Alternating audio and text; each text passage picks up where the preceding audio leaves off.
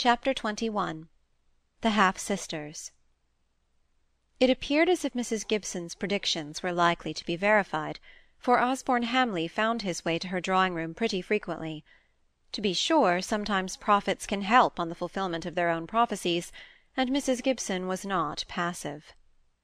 Molly was altogether puzzled by his manners and ways. He spoke of occasional absences from the Hall, without exactly saying where he had been.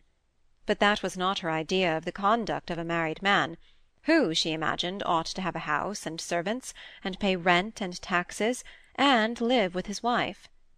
Who this mysterious wife might be faded into insignificance before the wonder of where she was. London, Cambridge, Dover, nay, even France, were mentioned by him as places to which he had been on these different little journeys. These facts came out quite casually, almost as if he was unaware of what he was betraying. Sometimes he dropped out such sentences as these: "Ah, that would be the day I was crossing; it was stormy indeed. Instead of our being only two hours, we were nearly five." Or, "I met Lord Hollingford at Dover last week, and he said," etc. "The cold now is nothing to what it was in London on Thursday. The thermometer was down at fifteen degrees." Perhaps in the rapid flow of conversation these small revelations were noticed by no one but Molly, whose interest and curiosity were always hovering over the secret she had become possessed of in spite of all her self-reproach for allowing her thoughts to dwell on what was still to be kept as a mystery. It was also evident to her that Osborne was not too happy at home. He had lost the slight touch of cynicism which he had affected when he was expected to do wonders at college, and that was one good result of his failure.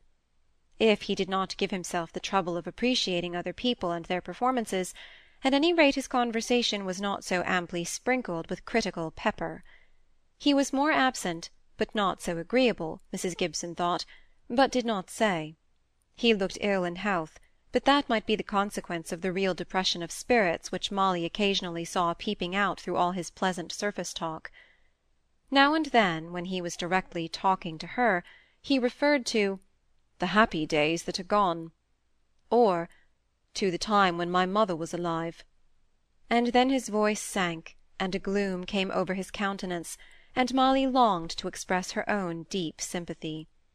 He did not often mention his father, and Molly thought she could read in his manner, when he did, something of the painful restraint she had noticed when she was last at the Hall still existed between them. Nearly every particular she knew of the family interior she had heard from Mrs. Hamley and she was uncertain how far her father was acquainted with them. So she did not like to question him too closely.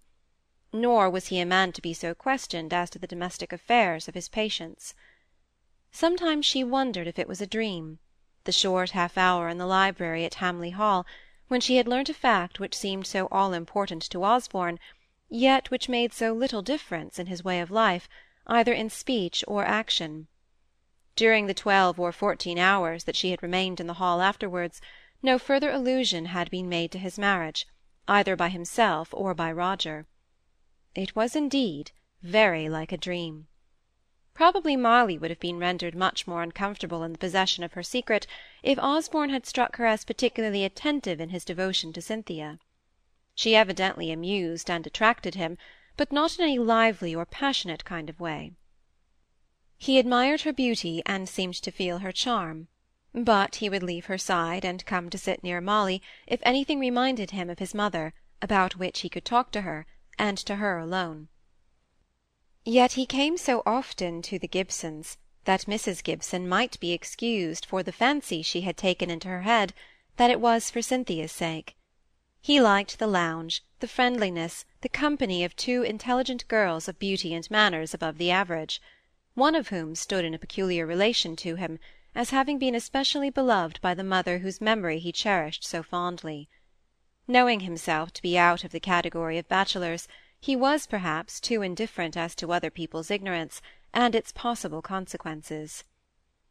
Somehow Molly did not like to be the first to introduce Roger's name into the conversation, so she lost many an opportunity of hearing intelligence about him. Osborne was often so languid or so absent that he only followed the lead of talk. and as an awkward fellow who had paid her no particular attention, and as a second son, Roger was not pre-eminent in Mrs Gibson's thoughts. Cynthia had never seen him, and the freak did not often take her to speak about him. He had not come home since he had obtained his high place in the mathematical lists; that Molly knew, and she knew too that he was working hard for something, she supposed a fellowship, and that was all. Osborne's tone in speaking of him was always the same. Every word, every inflection of the voice breathed out affection and respect, nay, even admiration. And this from the nil admirari brother, who seldom carried his exertions so far. "Ah, Roger!" he said one day. Molly caught the name in an instant, though she had not heard what had gone before. "He is a fellow in a thousand in a thousand, indeed. I don't believe there is his match anywhere for goodness and real, solid power combined." "Molly," said Cynthia, after Mr. Osborne Hamley had gone, "what sort of a man is this Roger Hamley? One can't tell how much to believe of his brother's praises, for it is the one subject on which Osborne Hamley becomes enthusiastic. I've noticed it once or twice before." While Molly hesitated on which point of the large round to begin her description, Mrs. Gibson struck in. "It just shows what a sweet disposition Osborne Hamley is of, that he should praise his brother as he does. I dare say he is a senior wrangler, and much good may it do him. I don't deny that, but as for conversation, he's as heavy as heavy can be. A great awkward fellow to boot, who looks as if he did not know two and two made four, for all he is such a mathematical genius. You would hardly believe he was Osborne Hamley's brother to see him. I should not think he has a profile at all. What do you think of him, Molly? said the persevering Cynthia. I like him, said Molly. He has been very kind to me. I know he isn't handsome like Osborne. It was rather difficult to say all this quietly, but Molly managed to do it, quite aware that Cynthia would not rest till she had extracted some kind of an opinion out of her. I suppose he will come home at Easter, said Cynthia, and then I shall see him for myself. It's a great pity that their being in mourning will prevent them from going to the Easter charity ball said Mrs. Gibson plaintively. "I shan't like to take you two girls, if you are not to have any partners. It will put me in such an awkward position. I wish we could join on to the Towers party. That would secure you partners, for they always bring a number of dancing men, who might dance with you after they had done their duty by the ladies of the house. But really everything is so changed, since dear Lady Cumnor has been an invalid, that perhaps they won't go at all. This Easter ball was a great subject of conversation with Mrs. Gibson. She sometimes spoke of it as her first appearance in society as a bride, though she had been visiting once or twice a week all winter long. Then she shifted her ground, and said she felt so much interest in it because she would then have the responsibility of introducing both her own and Mr. Gibson's daughter to public notice, though the fact was that pretty nearly every one who was going to this ball had seen the two young ladies, though not in their ball dresses before. But, aping the manners of the aristocracy as far as she knew them, she intended to bring out Molly and Cynthia on this occasion, which she regarded as something of the light of a presentation at court. They are not out yet, was her favourite excuse when either of them was invited to any house to which she did not wish them to go, or they were invited without her. She even made a difficulty about their not being out, when Miss Browning, that old friend of the Gibson family, came in one morning to ask the two girls to come to a friendly tea and a round game afterwards, this mild piece of gaiety being designed as an attention to three of Mrs. Goodenough's grandchildren, two young ladies and their schoolboy brother, who were staying on a visit to their grandmamma. You are very kind, Miss Browning, but you see I hardly like to let them go. They are not out, you know, till after the Easter ball. Till when we are invisible, said Cynthia, always ready with her mockery to exaggerate any pretension of her mother's. We are so high in rank that our sovereign must give us her sanction before we can play a round game at your house. Cynthia enjoyed the idea of her own full-grown size and stately gait as contrasted with that of a meek, half-fledged girl in the nursery, but Miss Browning was half puzzled and half affronted. I don't understand it at all. In my days, girls went wherever it pleased people to ask them, without this farce of bursting out in all their new fine clothes at some public place. I don't mean but what the gentry took their daughters to York, or Matlock, or Bath, to give them a taste of gay society when they were growing up, and the quality went up to London, and their young ladies were presented to Queen Charlotte, and went to a birthday ball, perhaps. But for us little Hollingford people, why, we knew every child amongst us from the day of its birth, and many a girl of twelve or fourteen have I seen go out to a card party, and sit quiet at her work, and know how to behave as well as any lady there. There was no talk of coming out in those days for any one under the daughter of a squire. After Easter, Molly and I shall know how to behave at a card party, but not before, said Cynthia demurely.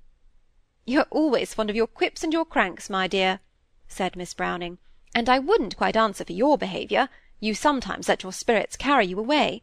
But I'm quite sure Molly will be a little lady as she always is, and always was, and I have known her from a babe. Mrs Gibson took up arms on behalf of her daughter, or rather she took up arms against Molly's praises. I don't think you would have called Molly a lady the other day, Miss Browning, if you had found her where I did, sitting up in a cherry-tree, six feet from the ground at least, I do assure you. Oh, but that wasn't pretty, said Miss Browning, shaking her head at Molly. I thought you'd left off those tomboy ways. She wants the refinement which good society gives in several ways said Mrs Gibson, returning to the attack on poor Molly. She's very apt to come upstairs two steps at a time. Only two, Molly? said Cynthia. Why, to-day I found I could manage four of these broad, shallow steps. My dear child, what are you saying? Only confessing that I, like Molly, want the refinements which good society gives. Therefore, do please let us go to Miss Browning's this evening. I will pledge myself for Molly that she shan't sit in a cherry-tree, and Molly shall see that I don't go upstairs in an unladylike way. I will go upstairs as meekly as if I were a come-out young lady, and had been to the Easter ball. So it was agreed that they should go.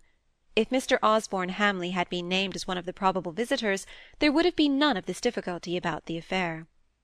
But though he was not there, his brother Roger was. Molly saw him in a minute when she entered the little drawing-room, but Cynthia did not. "And see, my dears," said Miss Phoebe Browning, turning them round to the side where Roger stood waiting for his turn of speaking to Molly. "We've got a gentleman for you after all. Wasn't it fortunate? Just as sister said that you might find it dull. You, Cynthia, she meant, because you know you come from France. Then, just as if he had been sent from heaven, Mr. Roger came in to call and I won't say we laid violent hands on him, because he was too good for that, but really we should have been near it, if he had not stayed of his own accord. The moment Roger had done his cordial greeting to Molly, he asked her to introduce him to Cynthia. I want to know her, your new sister, he added, with the kind smile Molly remembered so well since the very first day she had seen it directed towards her, as she sat crying under the weeping ash. Cynthia was standing a little behind Molly when Roger asked for this introduction. She was generally dressed with careless grace. Molly, who was delicate neatness itself, used sometimes to wonder how Cynthia's tumbled gowns, tossed away so untidily, had the art of looking so well, and falling in such graceful folds. For instance, the pale lilac muslin gown she wore this evening had been worn many times before, and it looked unfit to wear again till Cynthia put it on. Then the limpness became softness, and the very creases took the lines of beauty. Molly, in a daintily clean pink muslin, did not look half so elegantly dressed as Cynthia. The grave eyes of the latter, raised when she had to be presented to Roger, had a sort of childlike innocence and wonder about them, which did not quite belong to Cynthia's character. She put on her armour of magic that evening, involuntarily, as she always did, but on the other side she could not help trying her power on strangers. Molly had always felt that she should have a right to a good long talk with Roger when she next saw him, and that he would tell her, or she should gather from him all the details she so longed to hear about the squire, about the Hall, about Osborne, about himself. He was just as cordial and friendly as ever with her. If Cynthia had not been there, all would have gone on as she had anticipated. But of all the victims to Cynthia's charms, he fell most prone and abject. Molly saw it all. As she was sitting next to Miss Phoebe at the tea-table, acting right hand, and passing cake, cream, sugar, with such busy assiduity that every one besides herself thought that her mind, as well as her hands, was fully occupied. She tried to talk to the two shy girls, as in virtue of her two years' seniority she thought herself bound to do, and the consequence was, she went upstairs with the twain clinging to her arms, and willing to swear an eternal friendship. Nothing would satisfy them but that she must sit between them at Vingt and they were so desirous of her advice in the important point of fixing the price of the counters, that she could not ever have joined in the animated conversation going on between Roger and Cynthia. Or rather, it would be more correct to say that Roger was talking in a most animated manner to Cynthia, whose sweet eyes were fixed upon his face with a look of great interest in all he was saying, while it was only now and then she made her low replies. Molly caught a few words occasionally in intervals of business. At my uncle's we always give a silver threepence for three dozen. You know what a silver threepence is, don't you, dear Miss Gibson? The three classes are published in the Senate House at nine o'clock on the Friday morning, and you can't imagine. I think it will be thought rather shabby to play at anything less than sixpence.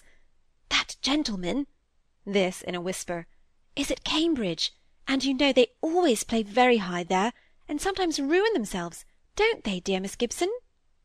Oh, on this occasion the Master of Arts who precedes the candidates for honours when they go into the Senate House is called the Father of the college to which he belongs. I think I mentioned that before, didn't I?